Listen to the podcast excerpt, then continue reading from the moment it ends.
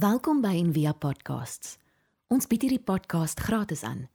Om 'n bydrae te maak, besoek gerus ons webblad en via.org.za vir meer inligting.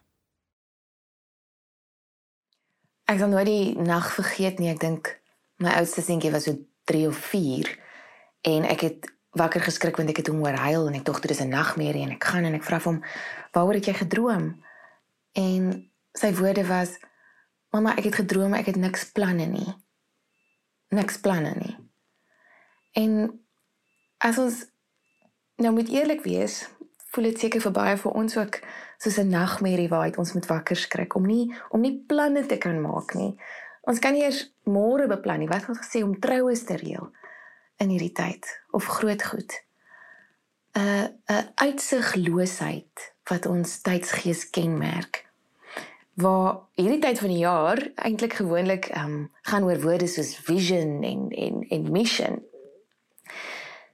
Maar ek glo vas dat die skriflesing wat ons in die liturgie gelees het, waar Jesus aan die woord is, nie gereserveer is vir 'n spesifieke jaar of 'n jaar waarin ons omstandighede beter is nie. Dis te midde van. Dis nou.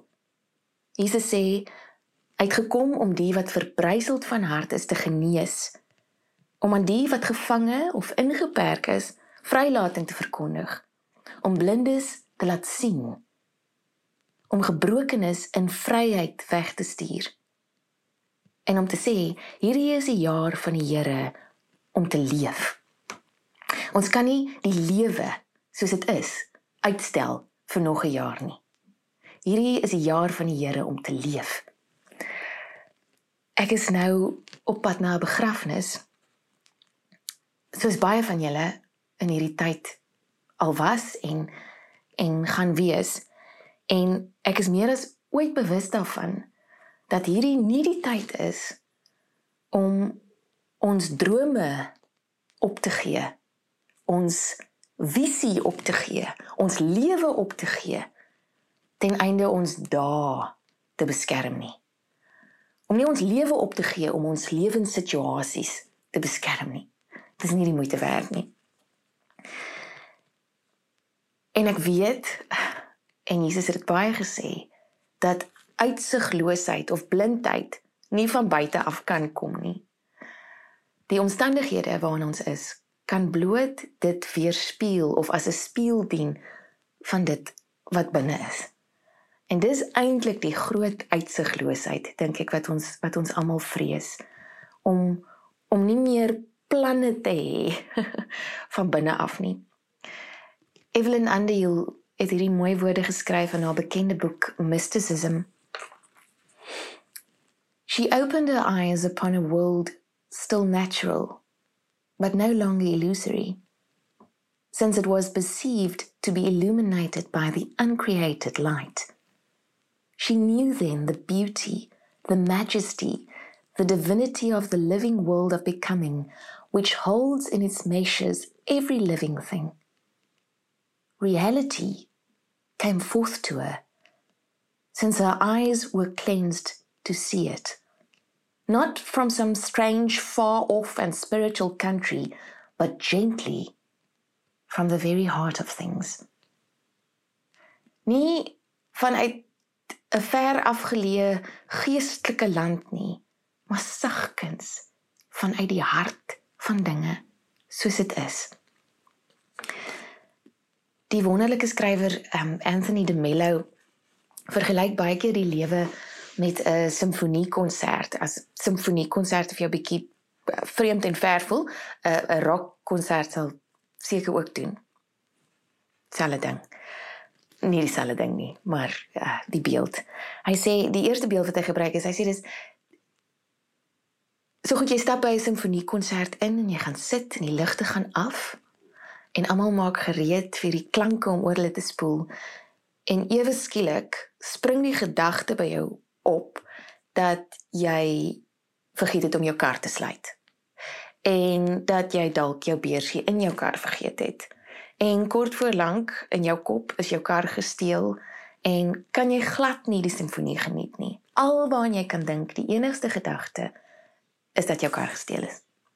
Die volgende beeld wat hy gebruik is hy sê dis asof jy een deeltjie van die simfonie hoor en daaraan vasklou en jou ore kan nie oopgaan vir die res van die simfonie nie. So wat gebeur is die res van die simfonie ontvou, daar daar gebeur nuwe bewegings. Um en jy hoor net hierdie een deeltjie. So alles anders klink vir jou vals, klink vir jou dissonant. Die woorde wat hy gebruik is is hierdie. Hy sê the symphony of life moves on, but you keep looking back, clinging to a few bars of the melody, blocking your ears to the rest of the music and thereby producing disharmony and conflict between what life is offering you and what you are clinging to. Then comes the tension and anxiety, which are the very death of love and the joyful freedom that love brings. For love and freedom are only found when one enjoys each note as it arises and then allows it to go so as to be fully receptive to the notes that follow. In die derde voorbeeld wat hy gebruik wat 'n simfonie behels, hy dis asof jy gaan sit en jy hoor net een instrument. Jy hoor net die tromme. Die die die strykers en die blasers kan kan beautiful dele speel. Maar al wat jy hoor is die tromme. So die die simfonie word word 'n kakofonie. En um, dan sê Anthony the Anthony de Mello ons lewe is eintlik so. En daar's drie deurslaggewende filters wat ons sin van self, maar eintlik ons sin van selfie, ons klein selfie beïnvloed. Maar dit is vir ons baie moeilik om te sien omdat ons dink dit is verskriklik intrinsiek verweef met ons selfie, met ons definisies of ons formules van wie ons is. En sê die eerste een is ons verknogthede. Die tweede een is ons geloofies beliefs in in Engels, maar ons het nie eintlik 'n mooi woord in Afrikaans daarvoor nie. Ons oortuigings, maar wat eintlik beteken ons klein geloofies. Want ek wil nie sê ons geloof nie, want dit mag iets groter insluit. Soos geloof, hoop en liefde, maar ons kopgeloofies. Dit wat ons dink met ons koppe, ons glo. En dan die derde ding is ons vrese. Ehm um, hy noem hierdie drie goeters die die die drie middelmanne die drie die drie filters. En dan sê hy hierdie middelmanne sal eendag so by ons sterfbed ook staan en en dink hulle beskerm ons.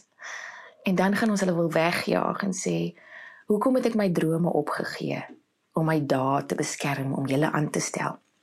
En dan gebruik hy die voorbeeld hy sê um, en ek dink op hierdie stadium maak dit nogal sin vir ons. Ek dink baie keer by myself uh, ek sal nogal nie die president wil wees op die oomblik nie. Ek sal eerder myself wil wees as die president, as enige president. Um for that matter. En dan sê hy ons is eintlik die president en en en ons realiteit is soos die president se lesenaar. Al hierdie filters, ons verknogthede, ons klein geloofies en ons vrese is soos die screening en die prosesering en al die middelmanne van die president waar Jan Alleman stuur vir die president 'n versoek um, of 'n klagte of daar sake ter sprake. En al die prosesse waardeur daai klagtes en versoeke moet gaan om uiteindelik by die president se lesenaar uit te kom. Is nogal baie. Dit is net so klein hoopie van van die realiteit wat die president op die ou end sien om deur al daai middelmanne te kom. En dis wat hierdie filters doen vir ons vir ons visie op die realiteit. Nou Jesus het eintlik heeltyd gepraat oor hierdie filters. Hy het baie meer gepraat oor hierdie filters as oor goed wat ons baie keer baie groter opblaas in die kerk. Ehm um, oor ons verknogkere wat is attachments, dit kom van die Franse woord, ek kan dit nie uitspreek nie, attache. en dit beteken die oorspronklike betekenis daarvan is to be nailed to. En dis eintlik so betekenisvol dat dat dit is wat Christus vir ons kom doen het.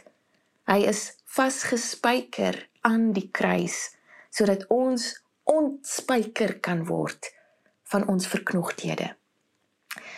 Um ons verknogthede spyker ons ons ons hinkerings, ons verlange wat eintlik is om huis toe te gaan, wat eintlik is vir God. Spyker ons verlangens vas aan aan aan goed waaraan ons kan vasklou. Mense en dinge. En dit laat ons dink dat ons nie kan lewe sonder daai goed nie. Dis wat verknogthede is. En dan uh, ons ons klein geloofies die woorde wat wat Jesus in Johannes 5 gebruik het hy sê julle julle ondersoek die skrifte omdat julle meen dat julle daarin die ewige lewe het maar hier staan ek reg voor julle hier staan ek ons ons ons klou vas aan dit wat ons glo en baie keer staan Christus hier reg voor ons en en dis iets anders En dan die derde ding, vrese. Jesus het ek dink daar word 365 keer in die woord ges, gesê moenie bang wees nie. Nou Anthony de Mello sê die die gevaar is dat ehm um, ons of sal hierdie goeters besweer, dis wat ons mos baie keer in die kerk geleer is, jag dit weg. Jag jou verknogthede in jou um, in jou vrese en jou klein geloofies weg jou bygeloofies, jag dit weg. Hy sê dis die een gevaar en die tweede gevaar is dat ons dit sal opblaas of daaraan verslaaf raak. Maar die oplossing lê nie in een van die twee nie. Dis om dit te sien. Dis om dit te sien. Ons sê baie keer liefde is blind, maar dis die een ding wat die liefde nie is nie. Die liefde sien juis, die liefde waarvan Christus gepraat het, ehm um, is is heldersiende. Dit is dis een van die liefde se groot kwaliteite. Al kan ons niks anders sien hierdie jaar nie. Glo ek vas, ons kan begin by dit. By ons filters op die realiteit, by ons filters op die liefde. Op die liefde om om totaal en al deur te suiwer na ons wese toe. Dis dis al waaroor ons eintlik beheer het. Ons het nie beheer oor ons omstandighede nie ons word baie keer ehm um, geleer dat ons ons ons groot uh, prioriteit moet wees om God te kan sien.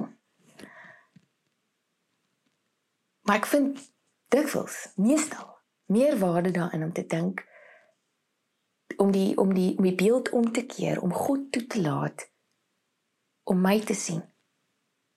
Al my hoekies en draadjies en gaatjies, my blinde kolle, my my donkertes om God toe te laat om my oop te kyk, om om my te ontmasker, om my soos ek gesing het vroeër om om ons oop te vlek sodat geloof, hoop en liefde deur ons kan vloei. Dat hierdie middelmanne nie nie dink hulle beskerm ons so dat hulle ons beskerm teen die liefde op die ouend nie. En dan nog dieper. Simone Weil het hom gesê the real aim is not to see God in all things. It is that God through us should see the things that we see. Hoe anders sal ons hier deur die dag gaan nie. Ons kan hoe gemaskerd wees Ons kan hoe uh, sonder planne voel. Maar as ons God toelaat om deur ons te kyk na ons dag, na die mense om ons, na die na die natuur, na die dinge wat ons sien, sal die lewe anders lyk. Sal ons werklik kan sien. Die lewe soos dit is is nie onhoud nie.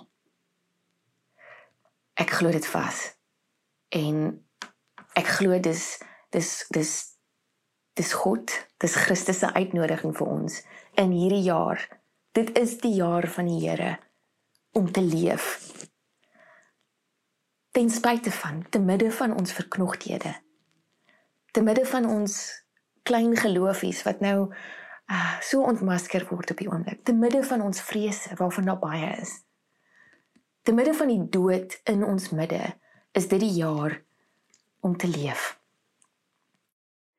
Ek lees vir ons gedig van Sheila Cousins wat gaan oor hierdie oor hierdie sien, oor hierdie uitsig, oor hierdie visie. My life Vaarwel. Ek gaan in in 'n singende verlies. In in 'n vlamende vreugde. Want nou gaan ek verstaan die pragt van God se rede. Die pragt van God se genade. Wat die gemis sal omskep in iets wat ek meer begeer as wat ooit begeerte was. Terwille van 'n wêreld in pyn. Want wat is die verlies van jou anders as 'n liggaam gekruisig wat my so begeerde ontbering spyker vir spyker ontspyker. Ek gaan in 'n vreugde in. 'n seëvierende vreugde in. En die sien wat die sien is van God. Mag ons hierdie jaar bewus word van ons dieper begeertes, van ons dieper hinkerings, die van ons gees en en 'n vlamende vreugde daarin vind om die sien wat die sien is van God te kan ervaar.